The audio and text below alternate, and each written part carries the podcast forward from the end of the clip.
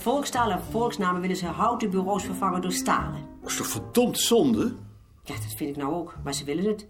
En als het geld er is, dan houd je het niet Ja, tegen. ik wil dat dus niet. Ik doe geen meubels weg. Dat doe ik thuis ook niet. Ik ben geen van stalen meubels, want dat vind ik niks.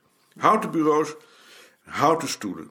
Zolang ik het voor het zeggen heb, tenminste. En dan de bibliotheek. Haan heeft zich er bij Balk over beklaagd dat jullie meer geld voor de bibliotheek krijgen dan zij. Ik zie het. Dan weet je dat Balk daar misschien over zal beginnen. Dit hebben we nodig. Het terrein dat wij bestrijken is veel groter dan dat van Haan en Rentjes samen. Dat zal Balk ook wel inzien. Die ziet het ook wel. In ieder geval kan er niets af. Zal ik het niet nog wat verhogen? Jullie hebben dit jaar je geld opgemaakt. Verhoog het maar. Doe maar 5000 bij.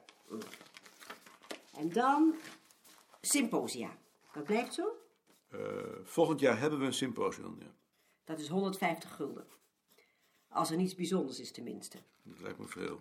De mensen krijgen toch alleen een kopje thee. En meer dan tien komen er niet. Wij kunnen toch voor de hele middag kantinepersoneel huren. Een dekker moet iets extra's hebben. Idioot. Ja, maar het moet toch? Ik bedoel zo'n symposium. Dat weet ik natuurlijk niet. Ik wel. Eh, reiskosten binnenland.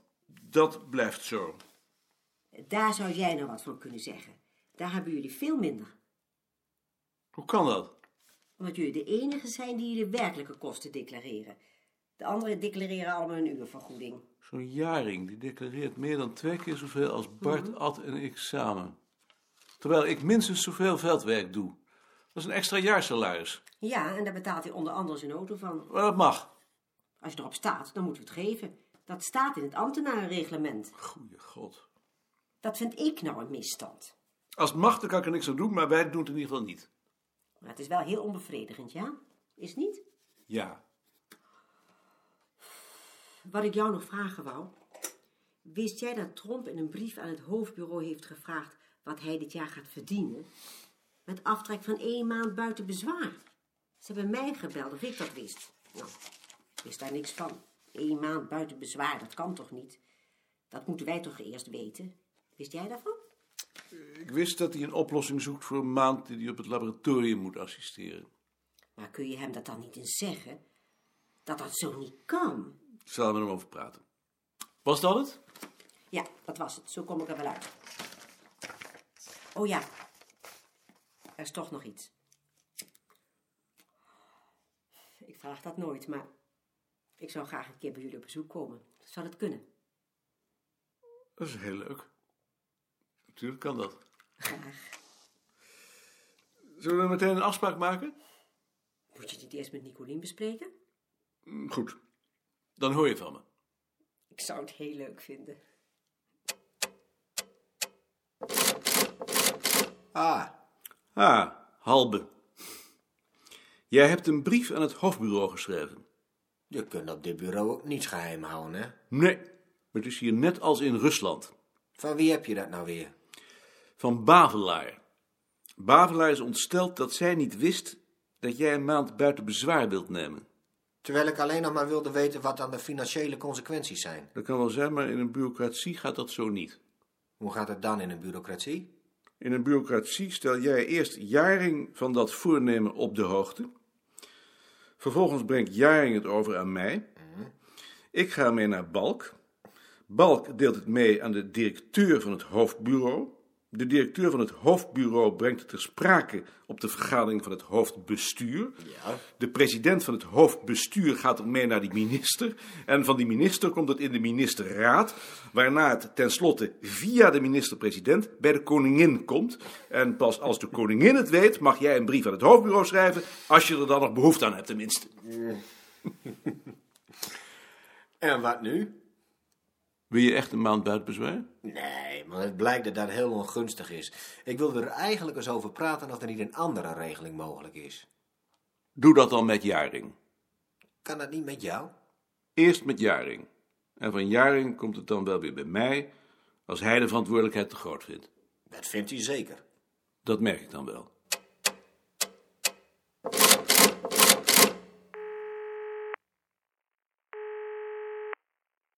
Met mevrouw Koning. Dag. Oh, dag. Ben je daar? Eh, Jantje wil graag een avond bij ons op bezoek komen. Jantje Bavelaar? Ja, Vroeg ze dat? Ja, Wat eigenaardig. Waarom zou dat nou zijn? ik heb geen idee. Omdat ze zich toen zo gek gedragen heeft. Misschien. Je vindt het helemaal niet zo leuk, zeker. Ach, En komt ze dan ook eten? dat heeft ze niet gevraagd natuurlijk. Wat vind je? Je zegt zo weinig. We kunnen haar wel te eten vragen. En wanneer wou je dat dan doen? Vanavond? Vanavond? Dan zijn we er vanaf. Goed. Vraag het dan maar vanavond. Dan zie ik wel. Als ze kan tenminste. Ja. Tot vanavond.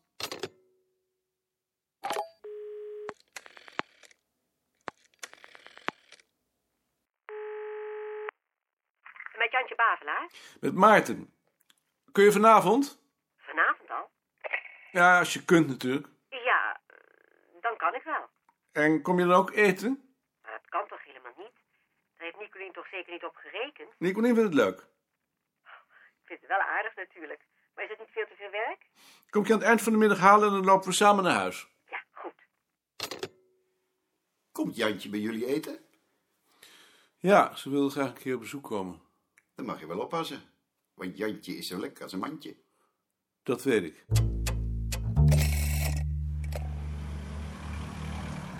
En loop je dit nu iedere dag? S ochtends loop ik langs de gracht en s'avonds langs de voorburgwal. Zo. Mhm.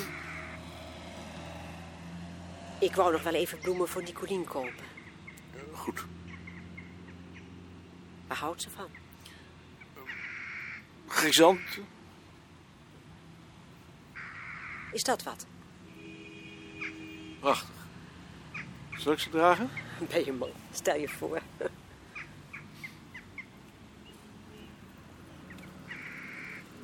Ik geef een krant kopen. En Daar heb ik mijn eerste baantje gehad. Ja, nu is het er niet meer. Maar toen was daar een handelsonderneming.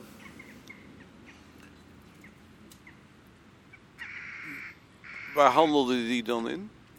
Oh, geen van alles. Die man was naar wat je noemt een echte schachelaar.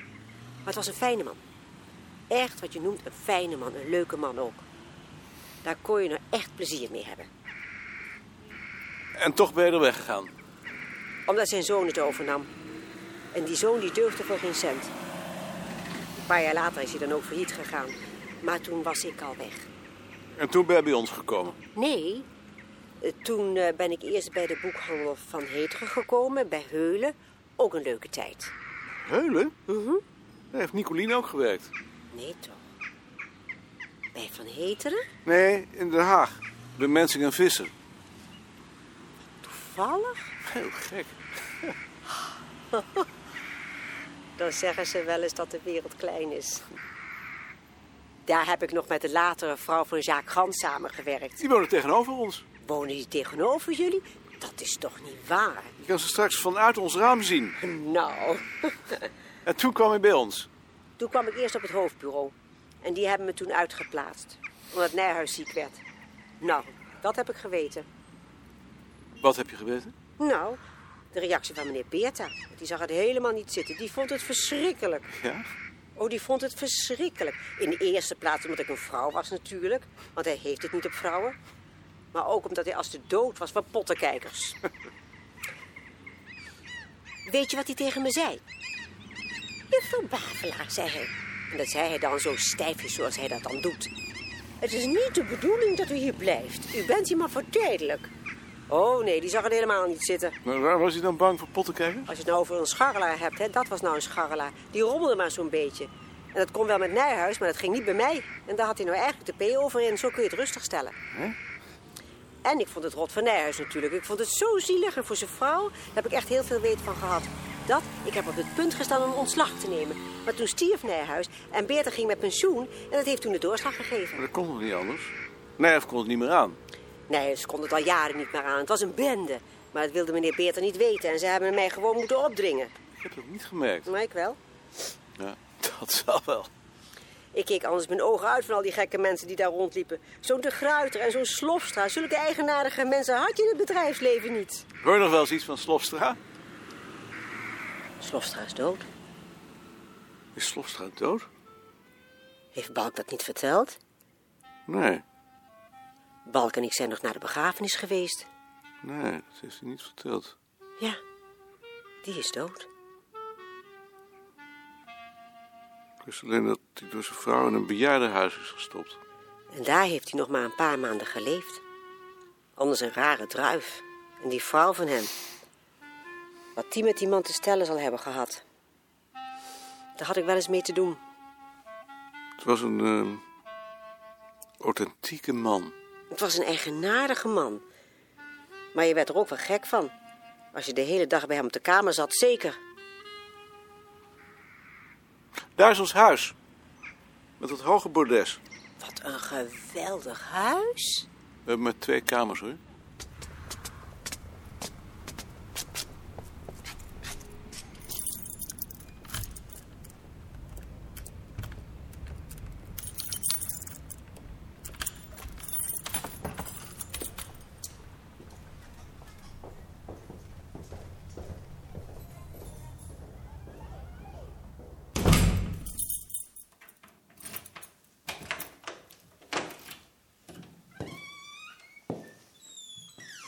Dag Jantje. Dag, Nicolien. Geef je jas maar. Slofstra is dood. Is Slofstra dood? Ja. En Jantje heeft ook bij Heulen gewerkt.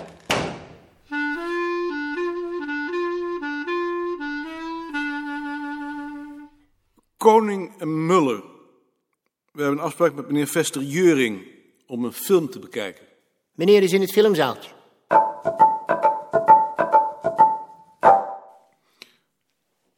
Is hij klaar? Behalve dan het commentaar. Dat hebben we toch opgezonden? Jawel. Eh, Laten we het daar straks over hebben. Hoe lang is hij geworden? Is het geen eh 50 minuten? 50 minuten. Kan die? Ja, graag. Inderdaad, niet zo lang. Nee, daar moeten we het straks over het commentaar hebben. En? Prachtig. Prachtig film. Eh, Als je maar niet de illusie hebt dat het zo ook geweest is. Maar daar gaat het toch ook niet om? Als het publiek maar denkt dat het zo geweest is. Hoe vond je hem? Och, het kan zo wel, dacht ik. Wat ik vooral bedoel is eh, dat het eenvoudig moet zijn. Niet populair natuurlijk, dat bedoel ik beslist niet. Maar toch zo dat eenvoudige mensen het gevoel hebben dat ze begrijpen wat ze zien. Daar gaat het vooral om. Om dat over te brengen, dat, dat gevoel.